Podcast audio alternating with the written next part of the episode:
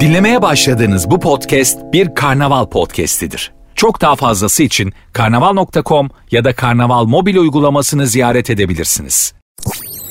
Sertünsüz.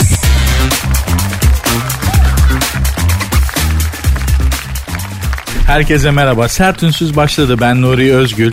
Saat 22'ye kadar beraberiz. Allah aşkına bırakmam. 22'ye kadar lütfen benimle kalın. Ben günün, günlerin ve gündemin bünyenizde biriktirdiği negatifi bir miktar da olsa alıp yerine pozitif vererek sizi biraz rahatlatmaya, biraz rehabilite etmeye çalışacağım. Kolay bir iş değildir talip olduğum iş biliyorum. Çünkü yaşadığımız dünya, yaşadığımız coğrafya, yaşadığımız günler çok zor. Şu zamanda yani modern bir orta çağ yaşıyoruz aslında. Bilmem farkında mısınız? Şimdi daha açılışta böyle tıngır yapıp kafanızı 1500 e, etmek istemem ama bana öyle geliyor ki modern yani cep telefonlarının, bilgisayarın, işte Twitter'ın olduğu, iletişimin, işte haberleşmenin, informasyonun e, çok çabuk çok çabuk gerçekleştiği modern bir orta çağda yaşıyoruz. Bir farkı yok gibi geliyor bana. Kolay değildir sizin bünyenizdeki negatifi almak. Yapmanızı istediğim tek şey kendinizi kasmayın. Bana bırakın. Ben bünyedeki negatifi ancak öyle çekebilirim. Heh, ama nedir? Kendini kasmamak, sıkmamak mümkün mü? Değil. Hani şey diyorlar ya diyetisyenler, beslenme uzmanları, sağlıklı yaşam uzmanları hep şunu söylüyorlar. Spor yapın, egzersiz yapın, hareket edin falan diye. İşte sırt ağrılarınız geçer, kulunçlarınız geçer. Boynunuzun tutulması için egzersiz. Onların hiçbiri kardeşim yanlış yatmaktan, işte başım yastıktan düştü, rüzgarda kaldım, korenderde kaldım aldım tutuldum zannediyorsun. Alakası yok. Yaşadığın coğrafya yapıyor. Sen yaşa bakalım yani sen zannediyor musun ki Danimarkalılar çok hareket eden bir kavim? Sen zannediyor musun ki mesela e, bana çabuk derler İsviçre. Heh, İsveç de söyleyemiyorum. Onlarla da adamız şimdi çok iyi değil. Onu da örnek vermeyeyim. İşte İsviçreliler çok spor yapıyor falan. Mümkün değil. İtalyanlar alakası yok. Alakası yok. Oradaki huzur, oradaki mutluluk, oradaki refah seviyesi yüksek de o yüzden mutsuzluk, huzursuzluk arttıkça kulunç tutulma, boyun tutulması, sırt ağrısı artar. Biliyoruz da konuşuyoruz. Yoksa bizim böyle bütün bu böyle fiziksel ağrılarımız işte kas, sırtım ağrıyor, ayaklarım ağrıyor, dizlerim ağrıyor falan. Bunların hiçbirinin yanlış oturup kalkmakla bir alakası yok. Bu kadar bel fıtığım şeyi var ülkede. Hamal mıyız biz ya neden hepimizin beli ağrıyor? Değiliz. Yaşadığımız coğrafya yapıyor bunları içinde bulunduğumuz şartlar yüzünden ağrıyor her tarafımız. İstediğin kadar hareket et. İstiyorsan örümcek adam ol, Spiderman ol. Oradan oraya uç fark etmez gene ağrıyacak. Yaşadığın coğrafya yüzünden hanımlar beyler. Dolayısıyla yaşadığımız coğrafya bize bunları yapıyor. Siz de sakin olun. Yapacak bir şey yok. Bizim akvaryumumuz böyle yani her balık akvaryum balığı gibi. İşte böyle bir akvaryuma düştük. Böyle bir şeyde doğduk. Bu toprakları seviyoruz. Burası bizim vatanımız. Ee, Yılmaz Erdoğan'ın ilk filmindeydi galiba Vizantine'nin. Dünyanın en güzel yerini sevmezsen orası dünyanın en güzel yeri değildir diyordu. Gerçekten böyle. Burayı biz seviyoruz. Burası bizce ülkemiz, yaşadığımız coğrafya bizim için dünyanın en güzel yeri hanımlar beyler. Zaten gidecek bir yerimiz de yok. Konstantin Kavafis'in şiirindeki gibi başka bir ülke, başka bir yer, başka bir kasaba yok sana diyor. Yok. Buradayız abi. Yapacak bir şey yok yani. Dolayısıyla da sevmek, sahip çıkmak ve burada mutlu olmaya çalışmaktan başka yapacak hiçbir şeyimiz yok. En doğrusu da bu zaten. Saat 22'ye kadar ben size hayata tatlı bir mola 2 saatlik kısa bir mutluluk molası vaat ediyorum. Lütfen kendinizi bana bırakın. Katılımcı da olabilirsiniz. Programın Instagram ve Twitter adresi de aynı. Sert unsuz yazıp sonuna iki alt tire koyuyorsunuz. Benim Instagram adresim de var. Nuri Ozgul 2021. Hadi başladık. Sertünsüz.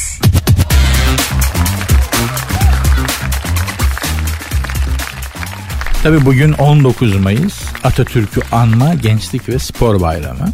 Açılışta öyle hemencik bahsedip geçmek istemedim. Ayrı bir program içerisinde 19 Mayıs'a ayrı bir bölüm ayırmak istedim. O yüzden açılışta bahsetmedim. Böyle hassas insanlar da var aramızda çünkü. Kardeşim programa başladım bir 19 Mayıs'ı tebrik etmedim. Bir dur ya anlatacağız. Sakin ol. Şimdi 19 Mayıs 1919'da Mustafa Kemal Atatürk Ulu Önderimiz Samsun'a çıktı. İstanbul'dan kendisi ordu müfettişi olarak görevlendirildi biliyorsunuz. Ee, Karadeniz'de, Karadeniz bölgesindeki Rum çetelerin ve onların uyguladığı şiddete cevap veren işte yöre halkının arasındaki çatışmaları bir incele, bir bak oralarda ne oluyor, engel ol bunlara gibisi görünen böyle bir görevde e, kendisi Samsun'a yollandı. Ve Kemal Tahir'in Yorgun Savaşçı diye çok güzel, nefis. O Kurtuluş Savaşı'nın ilk yıllarını, işgalin ilk dönemlerini anlatan çok nefis bir kitabı vardır. İstanbul'da başlar. Anadolu'da biter milli mücadele içerisinde. Mutlaka öneririm ısrarla okumanızı. Orada kitabın kahramanları kendi aralarında sohbet ederler. Atatürk e, Samsun'a yeni çıkmıştır. Biri öbürüne der ki Mustafa Kemal Paşa Samsun'a gitmiş duydun mu? E, ordu müfettişi olarak gitmiş diyor derler karşısındaki. O da der ki bence değil bence Mustafa Kemal'in Samsun'a gitmesinin sebebi İzmir'in İzmir'e Yunan'ın çıkması. Öbürü de der ki ya İzmir neresi Samsun neresi ne alakası var? Karşıdaki çok güzel bir cevap verir. Ee, belki de İzmir'e giden en kısa yol Samsun'dan geçiyordur. Hayatta da bizim karşımıza çıkan problemlerin en önemlilerinden biri bu. Yani bizi hedefimize götürecek yoldan sapmışız. Çok başka yerlere savrulmuşuz gibi geliyor. Şimdi Mustafa Kemal Atatürk'ü düşünün. Kafasında elbette bir şeyler yapmak, Anadolu'ya geçmek var. Anadolu'ya geçmenin tek çare olduğunu zaten anlamış o sırada. Ama onu gönderdikleri yer Samsun. Halbuki düşman İzmir'den karaya çıkmış. Yani şey dememiş Mustafa Kemal Atatürk. Ya bari beni Çanakkale'ye yollasaydınız. hani İzmir'e yakın bir yerlere gitsen gideyim de oralardan işe bakayım falan diye düşünmemiş. Samsun'a yollamışlar. Peki Samsun'dan başlarız işe demiş. Ve biliyorsunuz e, Samsun'a çıktığında da çok da hoş karşılanmamış yani. Havzaya geçerken otomobili bozuluyor ve e, otomobil tamir edilirken iniyor otomobilden yanındaki arkadaşlarıyla. Orada çalışan tarlası yol kenarında olan bir köylüyle sohbet ediyor. İşte düşman yurt topraklarına çıktı savaşmak lazım işte karşı koymak lazım falan gibi bir sohbet yapıyor köylüyle. Köylü elindeki çapayla yere bir çizgi çiziyor ve Mustafa Kemal'e diyor ki Mustafa Kemal Paşa'ya bak paşam şu yere çizdiğim çizgiyi görüyor musun? Görüyorum. Düşman bu çizgiye gelene kadar benden savaşmamı isteme. Benim babam şu cephede öldü. Benim çocuklarım şu cephede öldü. Ben üç cephede çatıştım. Artık benim için önemli değil. Yunan mı geliyor? İngiliz mi geliyor? Falan gelen gelsin. Bıktım artık. Bütün Anadolu'daki bakış açısı bu aslında. Pek az yani hani vatanı e, kurtaralım. Vatan için bir insanlar yorulmuşlar. Senelerdir hasat alınamamış Anadolu'da ürün kaldırılamamış. Ürünler tarlada çürümüş. Tarlalar ekilmemiş. Yani köylü diyor ki lan kim gelirse gelsin acız be kardeşim. Şurada bir ekmek yiyeyim. Tek derdi bu olmuş artık insanların. Mustafa Kemal Atatürk'ün yaptığı işin büyüklüğü de bence burada. Hiç ayağa kalkmaya, hiç savaşmaya, hiç mücadele etmeye niyeti olmayan bir milleti mücadele etmeye, savaşmaya gerekirse ölmeye ikna etmiş. Bazen zorlayarak yapmış ama yapmış. İşin büyüklüğü burada. Mustafa Kemal Atatürk dedik. Atatürk'ü anma günündeyiz dedik. Atatürk'ü anma bayramı madem. Bugüne kadar bence Atatürk hakkında yazılmış bütün biyografiler boş. Çöp. Hiçbirini okumayın. Hiçbiri Atatürk'ü anlatmıyor. Öyle yaptı böyle yaptı. Adeta bir masal anlatır gibi hayatı anlatılıyor. Bize de okulda hepiniz hatırlayın. Mustafa Kemal Atatürk anlatılmadı ki. İşte e, tarlada dede dayısının tarlasında kargaları kovalayan e, babası erkenden vefat etmiş sarı saçlı mavi çocuğun hayat mavi gözlü çocuğun hayat hikayesi anlatıldı. Atatürk'ü gerçekten anlamak, tanımak, doğduğu coğrafyanın, içinde yetiştiği çevrenin, ailenin onun psikolojisi üzerindeki etkisini ve karakterini nasıl şekillendirdiğini öğrenmek. Yani Atatürk'ün ileride yaptığı şeylerin altında yatan sebepleri anlamak, ta hayatına bağlı olarak her şeyi gerçekten çok net bir insan olarak da tanımak istiyorsanız okuyacağınız, okuyabileceğiniz maalesef bir tane kitap var. Söylüyorum adı kitabın adı Ölümsüz Atatürk. Bağlam yayıncılıktan çıkmıştır. Ee, bir Norman Iskowitz diye bir yazar yazmış. Çeviren de Vamık de Volkan. Kitapçıya gidip bunu sorarsınız muhtemelen size vermeyecektir. Yok çünkü kitap. Yani basılmıyor artık. Ancak sahaflarda bulabilirsiniz. İnternette araştırabilirsiniz. Ee, ben bu kitabı okuyana kadar Atatürk'ü tanıdığımı zannediyordum. Kitabı okuduktan sonra dedim ki Atatürk'ü hiç bilmiyormuş. Şimdi yani şimdi tanıdım Atatürk'ü. Dolayısıyla da Atatürk'ü anma gençlik ve spor bayramı olan adı bu olan bugün de Atatürk'ü tanımak isteyenlere ancak ancak okuyabileceğiniz bir tane kaynak var. Gerçekten anlatan bence onun da adı tekrar söylüyorum Ölümsüz Atatürk kitabın adı. Yayın evi Bağlam Yayıncılık. Kitapçılarda bulamazsınız. Çok eski basılmış bir kitaptır. Ancak sahaflarda bulabilirsiniz. Meraklısı lütfen arayıp bulsun. Ee, ne kadar doğru söylediğimi okuduktan sonra siz de anlayacaksınız. Sertünsüz. Z kuşağı YouTube'a inanıyormuş hanımlar beyler. Onlar hiç olmazsa bir şeye inanıyorlar. Biz neye inanca? Biz Reha Muhtar'a inanıyoruz ya. Durun anlatacağım size. Bakın şimdi Gençlik ve Spor Bakanı Sayın Mehmet Muharrem Kasapoğlu kendi partisinin kurmaylarıyla Z kuşağı ile ilgili bir sunum yapmış kendi partisinin kurmaylarına. O sunumda en çok dikkat eden Z kuşağının YouTube ve Twitter'a olan inancı olmuş. Araştırma yaptırmışlar da araştırmaya göre Z kuşağı haberi %32.2 ile YouTube %30 da Twitter'dan alıyormuş. Ve doğruluğuna da hayli inanıyormuş. Z kuşağı hiç olmazsa YouTube'a inanıyor. Hani çünkü YouTube'da hadi dezenformasyon çok Twitter'da YouTube'da ama doğrusu da var. Yani bir doğru bir şeyi ararsan YouTube'da, Twitter'da bulabilirsin de. Tamam tekrar söyleyeyim. Yalan haber çok, dezenformasyon çok. Art niyetli yapılan entry'ler, girişler çok ama doğrusu da var. Yani YouTube'da doğrusunu bulma şansın var. Kardeşim biz Reha Muhtar'a inanıyorduk ya. Yani Z kuşağı YouTube'a inanıyormuş. Biz Reha Muhtar'a inanıyorduk. Bizim YouTube'umuz, Twitter'ımız yoktu. Açıyordum televizyonu. Reha Muhtar abudik gubidik neler anlatıyordu ya. Bir şey söyleyeyim. Türkiye'nin en çok izlenen ana haber bülteniydi Reha Muhtar'ın hazırladığı ana haber bülteni. Ağlarsın ya. Ağlarsın ya. Gerçekten ağlarsın yani. Allah'ım ya Rabbim. O zaman gerçekten mesela şeyi hatırlarım. Bir Mahsun Kırmızıgül'ün kliplerini, işte İbrahim Tatlıses'in kliplerini, klip modaydı ya o zamanlar. Bu Mahsun'un, İbrahim Tatlıses'in kliplerini, bu Reha Muhtar'ın ana haberlerini izleyip izleyip ya ben İsviçre'ye mi yerleşsem acaba mümkün mü böyle bir şey buradan üniversite falan yapıp diye düşündüğümü hatırlıyorum. Gerçekten yani ülkeden um, umut kesmek üzereydim ülkemden. Yani ki hangi şart altında olursa olsun ülkemden asla umudumu kesme. Dolayısıyla Z kuşağının YouTube'u öp de başına koy. Aferin çocuklar. Aferin gençler. Devam lan. YouTube'a inanmaya devam edin. Twitter'a inanmaya devam edin. Biz yani sizin amcalarınız işte babanız, anneniz, teyzeniz, halanız yaşında olan bizler Reha Muhtar'a inanıyorduk oğlum. Reha Muhtar'a inanıyorduk. Bizden bir şey olmaz o yüzden. Bizi geç. Tamam mı? Ne varsa sizde var. O yüzden hani işte Z kuşağı şöyle Z kuşağı böyle diyorlar ya. Yani memleketi siz toparlarsınız siz toparlarsınız çocuklar. Gerçekten. Çünkü sizin şöyle bir şansınız var. Doğrusunu arayıp bulma imkanınız var. Tekrar söylüyorum. Hani YouTube'da yalan, Twitter'da yalan çok ama doğrusu da var. Bizim zamanımızda doğrusunu da arayıp bulmaya imkan da yoktu. Çünkü bize ne sunuluyorsa oydu. Bize ana haber bültenlerinde ne söyleniyorsa oydu.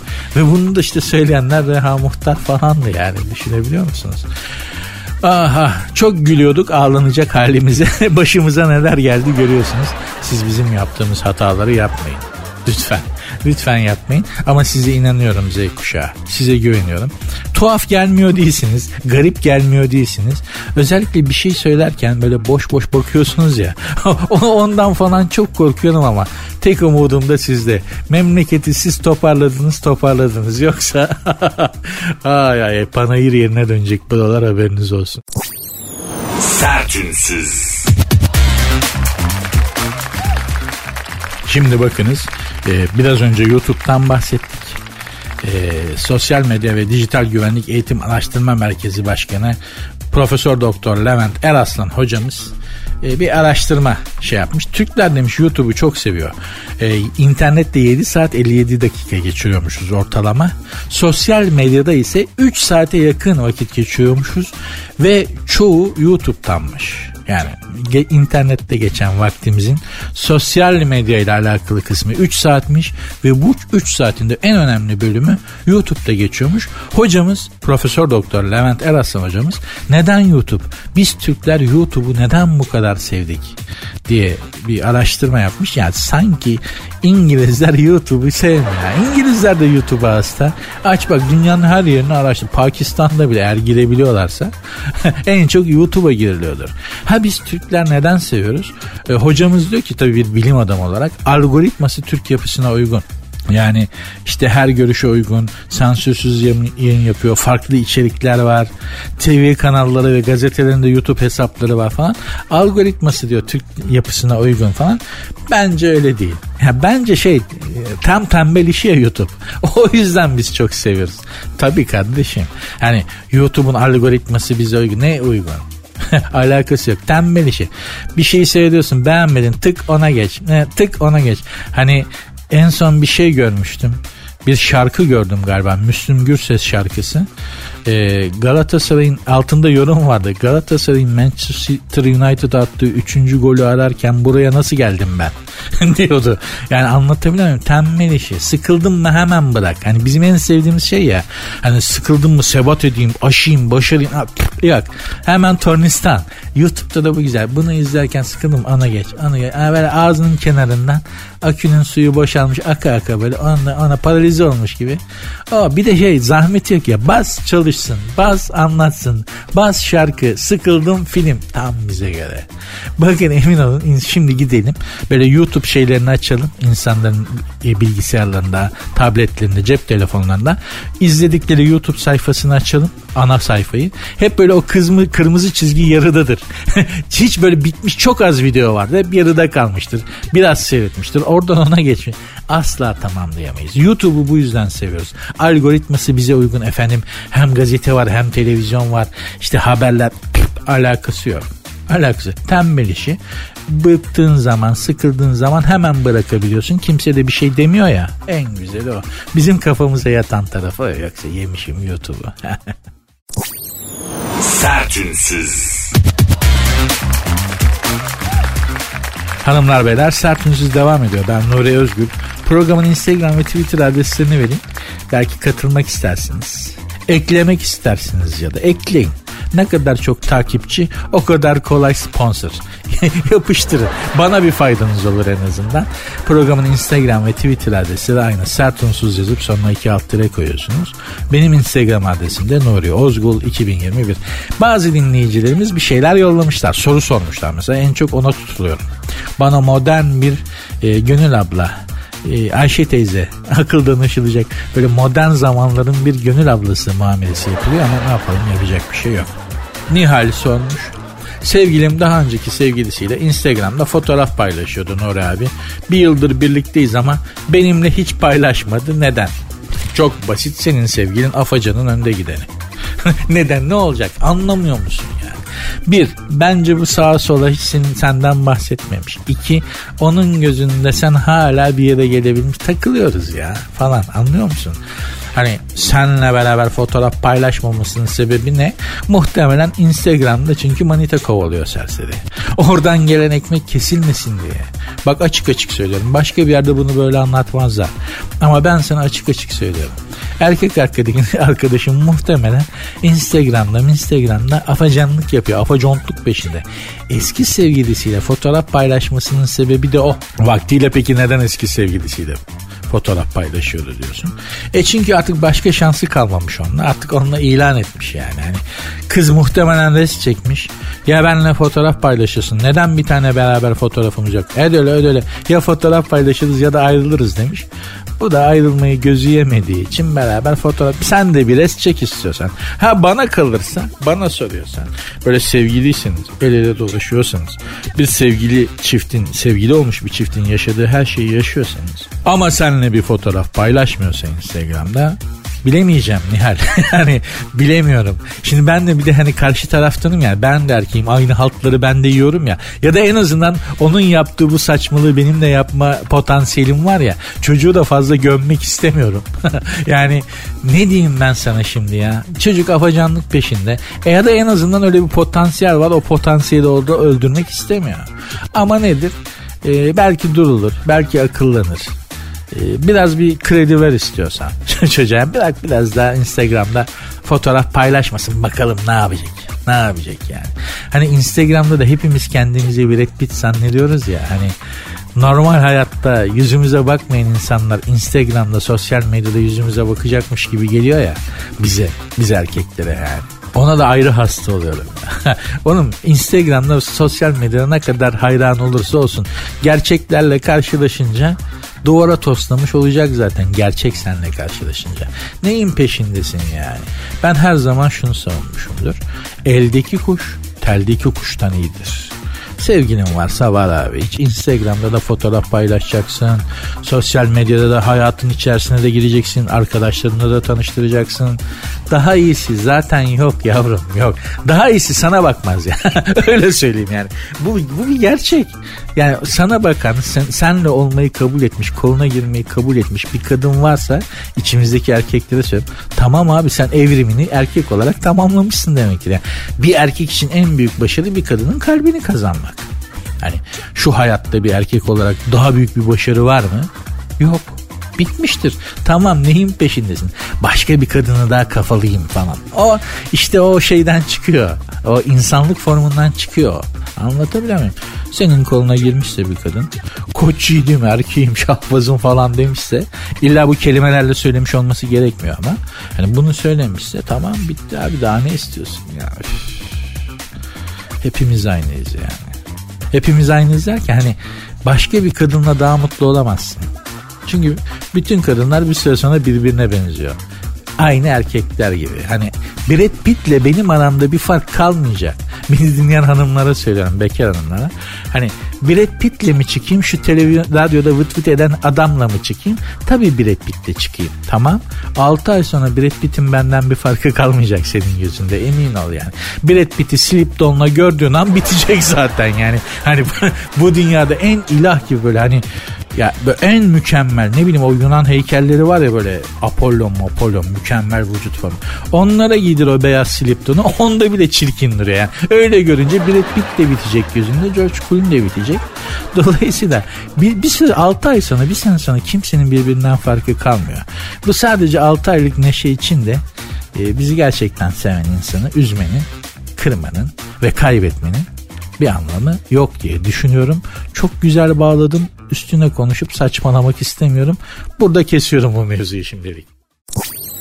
Sertünsüz. Aman efendim şeytana bismillah ne haberler görüyoruz ne haberler bakınız. Nilperi Şahinkaya kimdir bilmiyorum hayatımda ilk defa görüyorum fotoğrafını. Maşallah boylu postlu çok güzel buzdolabı gibi kız omuzları böyle dümdüz falan tebrik ederim gerçekten. E, spor hocası kimse hanımefendinin eğer spor yapıyorsa çok güzel omuz çalıştırmış yani. Hakikaten helal olsun. E, tebrikler e, e, yapıyorum. Fotoğraftan gözümü alıp habere bakamadım da özür dilerim. Nilperi Hanımcığım e, özür diliyorum ama beğendim şeyinizi fotoğrafınızı çok beğendim o yüzden. Nilperi Şahinkaya katıldığı bir programda aldığın en tuhaf teklif ne sorusuna şöyle cevap vermiş. Sosyal medyada ayakçılar, ayak severler var e, yere yatsam beni çiğner misin? Ayaklarımı ayaklarını yıkayabilir miyim diyenler oldu. Şahin Kaya sonra da bütün kadın bu bütün kadınların başına geliyor. Bunu çok tuhaf buluyorum diyor. Ben de böyle insanlarla tanıştım. Yani bana böyle bir teklif gelmedi. Sol ayak serçe parmağını emikleyebilir miyim gibi hani öyle bir öyle bir saçma bir şey almadım ama böyle insanlar var. Yani e, sadece ayağa aşık olan yani sadece ayağa bir kadının ayağına aşık olmuş arkadaşım var. Hala tanıyor. Hala arkadaşım. Benim ayaklarımın yürümediği sürece sorun yok. sorun ya benim ayağım zaten hobbit ayağı gibi. yani aşık olsa ne olur ama midesiz dersin en fazla ama hani güzel kadın ayağına e, aşık olmuş. Sadece ayaklara bakan yani cep telefonunda yüzlerce kadın ayağı fotoğrafı olan arkadaşlarım var. Kendileri çekmişler fotoğrafları ve kadınlardan izin alıp yani şöyle kadına gidip diyor ki çok affedersiniz hanımefendi. Buyurun ayaklarınız çok güzel. Ayaklarınızın fotoğrafını çekebilirim. Ve en ilginçtir pek çok kadın da izin veriyormuş. Yani onların yalancısıyım ben. Ben gidip hiçbir kadından aya ben bir tek 2006 yılında Brezilyalı bir kıza beraber fotoğraf çektirebilir miyiz diye sormuştum Berlin'de Dünya Kupası'nda e, Almanya'da. Brezilya Hırvatistan maçını seyretmeye gitmiştim. Çok hoş bir Brezilyalı kızdı gerçek. Hayatımda tek beraber fotoğraf çektirebilir miyiz diye sorduğum insan oydu. O kadar ünlüyle teşriki mesaim oldu kariyerim boyunca. Hemen hemen hepsiyle yani ünlü diyebildiğiniz insanların. Hiç böyle bir tane fotoğrafım yok. Bak bir tane fotoğrafım yok yani. Hani Kadir abiyle Kadir Çöpdemir'le 20 sene çalıştım. Zannediyorum iki tane fotoğrafımız var. Beraber böyle. E, Beyazıt Öztürk'le çok uzun zaman tanışıyoruz falan. Bir tane. E, bir de o Brezilyalı kız işte. Yani anlatıyorum. Hayatımda ilk defa böyle bir şey yapmıştım. Bir yabancıdan beraber fotoğraf çekmemizi istemiştim. Bu ayak fetişlerini durdurmak çok zor. Hakikaten bunlar. Bunlar hedefe kilitlendiği zaman bir ayağa kilitlendiği zaman e, ömür boyu Nuriciğim güzel bir ayağı Harbiye'den Aksaray'a kadar yürüyerek takip edebilirim demiştir. yani bir güzel kadın ayağı görüyor Harbiye'de. İstanbul İstanbul'u bilenler için konuşuyorum. İstanbul Harbiye dediğimiz yerde radyo binasının orada yani. Güzel ayaklı bir kadın gördüğüm zaman Aksaray'a kadar o güzel ayakları izleye izleye peşinden yürüyebilirim diyor ki az yol değildir yani. Epey bir yoldur. Yani diyeceğim bu ayak severler gerçekten e, zor durdurulabilir insanlar. Bir kere bir ayağa kilitlendilerse aman abi. Ama onları durdurmak ötekilerden daha zor. Ha ben nedir? Ben de bakın açık yüreklilikle konuşuyorum. Benim için ellerdir. Ama hani böyle el fotoğrafları aman gideyim ele bak falan böyle bir şeyim yok ama hani bir hanımefendi hoşlandıysam eğer bir hanım ilgimi çektiyse eller. Ellerden bütün her şeyini okurum. Daha önce de söylemiştim ya. Bütün karakterini, mazisini okurum ya. yani neden? Çünkü eller üzerine yani yıllarca ellere baka baka artık kompetan oluyorsun. Bunlar da ayaklara takılmışlar. Bana soruyorsunuz bir kadını sevmek o kadının ruhunu sevmektir. Havasını sevmektir. Aurasını sevmektir. Onun dışında ayağı güzelmiş. Eli kaşı güzel ama boşver Allah aşkına ya. Kim güzel kalabilmiş efendim? Kim sonuna kadar güzel kalabilmiş yani? Bunlara hiç gerek yok. Bu ayakçı arkadaşları da Allah ıslah etsin. Kendi sınırları içerisinde kaldıkları zaman zararsız insanlardır ama bunların bazıları gerçekten zincire bağlasan durmaz. Dağ, dağ başlarında böyle kayaları zincirlesen ayak ayak diye dağları inle, dağları yıkarlar yani. Dolayısıyla da Nilperi Hanımcığım ayaklarınız görünmüyor fotoğrafta. Elleriniz de maalesef çıkmamış. Ee, ben bir yorum yapamayacağım ama tahmin edebiliyorum. Bu ayakçıların ne kadar zalim bir kitle olduğu bence de malum. Bir iki ayakçı arkadaşım var. Hanımlar görüyorsunuz. Erkekte çeşit bitmiyor şekerim. Ya ben hiç mesela ayak fetişisti bir kadın duymadım. Hep erkeklerden çıkıyor bu. İşte yapacak bir şey yok. Mağaradan bu noktaya gelebildik ancak yani binlerce yılda kendimizi buraya getirebildik. Ne yapalım yapacak bir şey yok. İdare edin bizi be. Yapın ne olur idare edin yani. Sertünsüz. Hanımlar beyler sertünsüz devam ediyor. Bartın'da otelin dış cephesinden kopan kaplamalar kaldırımda yürüyen bir vatandaşın üzerine düştü. Vatandaşımız yaralanmış ve tedavi altına alınmış. İyiymiş bir şeyi yokmuş, bir sıkıntısı yokmuş Allah'a şükür. Tabii ki çok korkmuştur. Bartın'da yaşanan olayda 5 katlı otelin dış cephesinden kopan kaplamalar bu sırada kaldırımda yürüyen 50 yaşındaki işte bir vatandaşın üzerine düşmüş. Omuzundan yaralanmış. Ya bu binaları dışarıdan giydirip böyle acayip bir faça veriyorlar. Ben bunları özellikle Beyoğlu'nda işte Karaköy'de, Sirkeci'de falan görüyorum. Dış cephelerini bir kaplama yapıyorlar böyle oymalar, moymalar böyle alçılı malçılı böyle bir şey antik bir hava veriyorlar. Ben o otellerin o şeylerin orijinal halini biliyorum. Köpek bağlasan durmaz. İçeriye köpek bağla durmaz. Dışarıdan bir faça veriyorlar. Artık turistik belge de alıyorlar mı almıyorlar mı bilmiyorum. Arkadaş onları bir hale sokuyorlar. İnanamazsın. Ya ben ama hani bu memlekette İstanbul'da doğmuş büyümüş biri olarak bunların önünden binlerce defa geçtim. Diyorum ya içeriye baktığın zaman korkuyorsun yani o binaların hani lobisine otel yazıyor böyle lobisine bir bakıyorsun vallahi içeri girmeye kork. İçeride adam kesiyorlar zannedersin. İşte bunları böyle dışarıdan böyle astrifistin afili bir kaplamalar yapıyorlar bina kaplaması falan. Dışarıdan bakınca bayağı bir yer gözüküyor yani anlatabiliyor muyum? Arnavo bir yer gözüküyor. İçeriye bir gir mağara. İçeriye bir gir orangutan. Mamut falan mı yaşıyor zannedersin. İşte böyle yapıyorlar. Bakın Bartın'daki otel öyle mi bilmiyorum ama dış cephe kaplaması dökülmüş vatandaşımızı bir kardeşimizi omuzundan yaralamış ama iyiymiş. Bir sıkıntısı yokmuş. Şimdi tabii bu eleştirilecek bir şey de değil açıkçası. Tam tersi bizim için artık bu yani yolda giderken kafaya düşen şeyler kültürel bir zenginlik. Ecnebi'nin traditional dediği yani geleneksel, bize özgü, lokal zenginlik.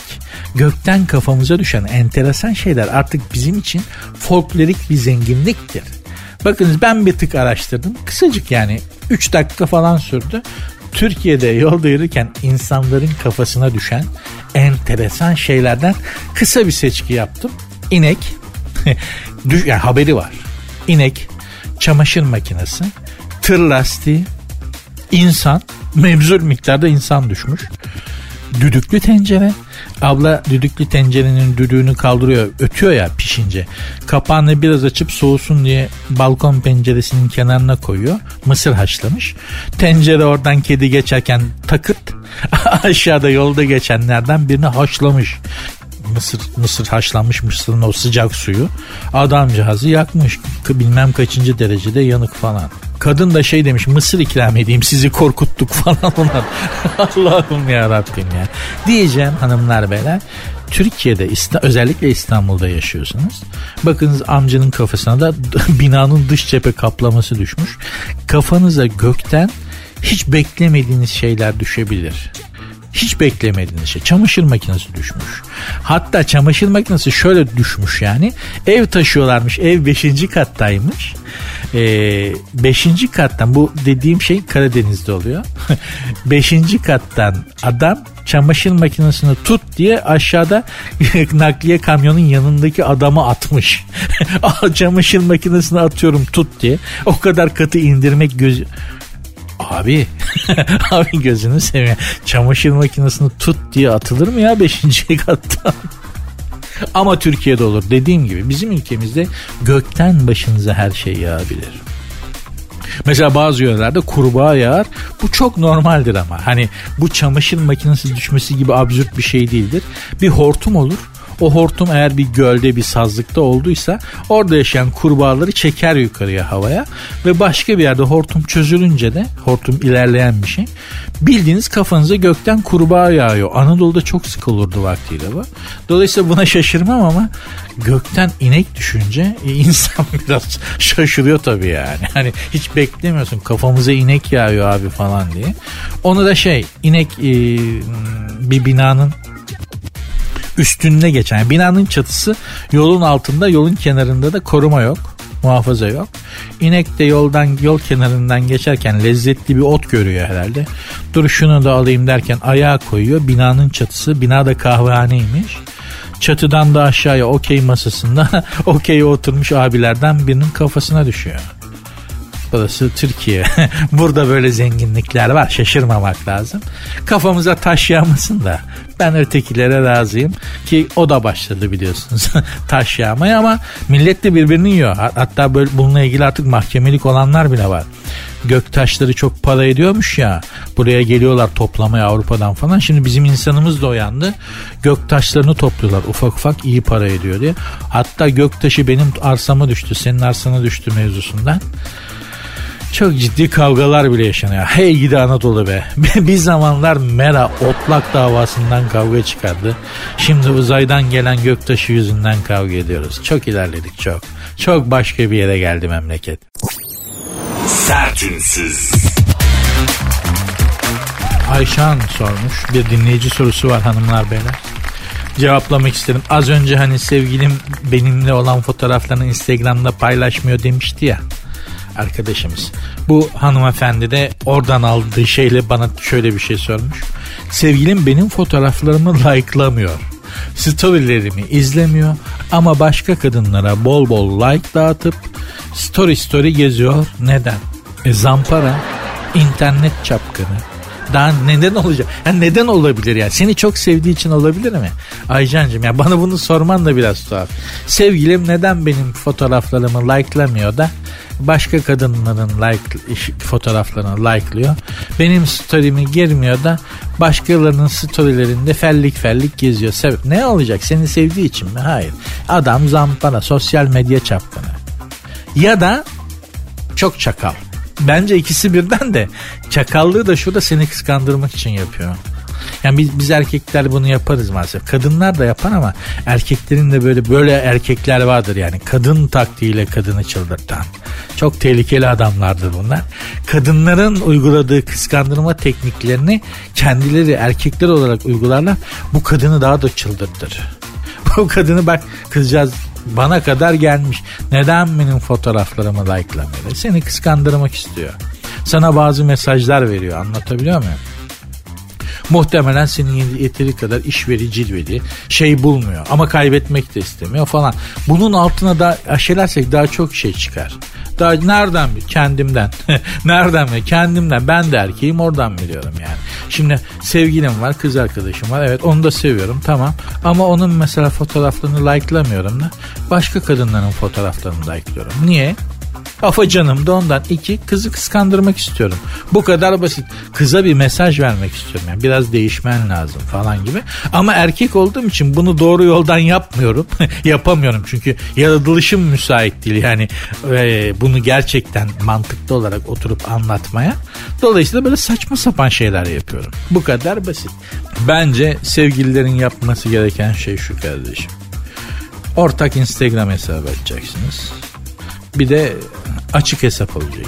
Yani isteyen istediği zaman girip görecek. Anlatabiliyor muyum? Beraber paylaşım yapacaksınız.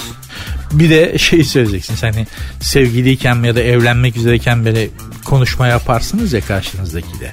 Kendinizi anlat. Yani böyle yapıyordur değil mi insanlar? Bak ben şöyleyim, şöyle huylarım vardır. Hani zaman içerisinde bunları öğreneceğine şimdiden ben söyleyeyim. Belki şey olabilir yani hoşlanmayabilirsin buna. Bil yani ben böyleyimdir, şöyleyimdir falan gibi konuşma yaparsın ya. Bence artık şey de yapılmalı. Bak hani e, başkalarının hesaplarını likelamayacağız tamam mı? Başka kadını single'ların hesaplarını likelamak yok. Bence sevgililer ve eşler bu konuda bir konsensüs sağlamalı. Bekar insanların e, yalnız insanların fotoğraflarını likelamak yok kardeşim. Ya da Like'lıyorsak likelamak serbestse neden likeladın diye sormak yok.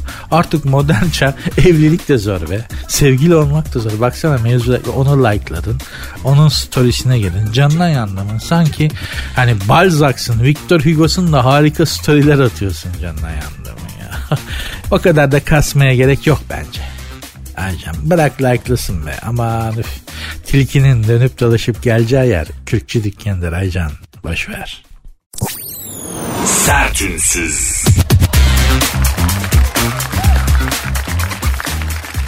Bensiz eğleniyorlar mı düşüncesi korkutuyormuş.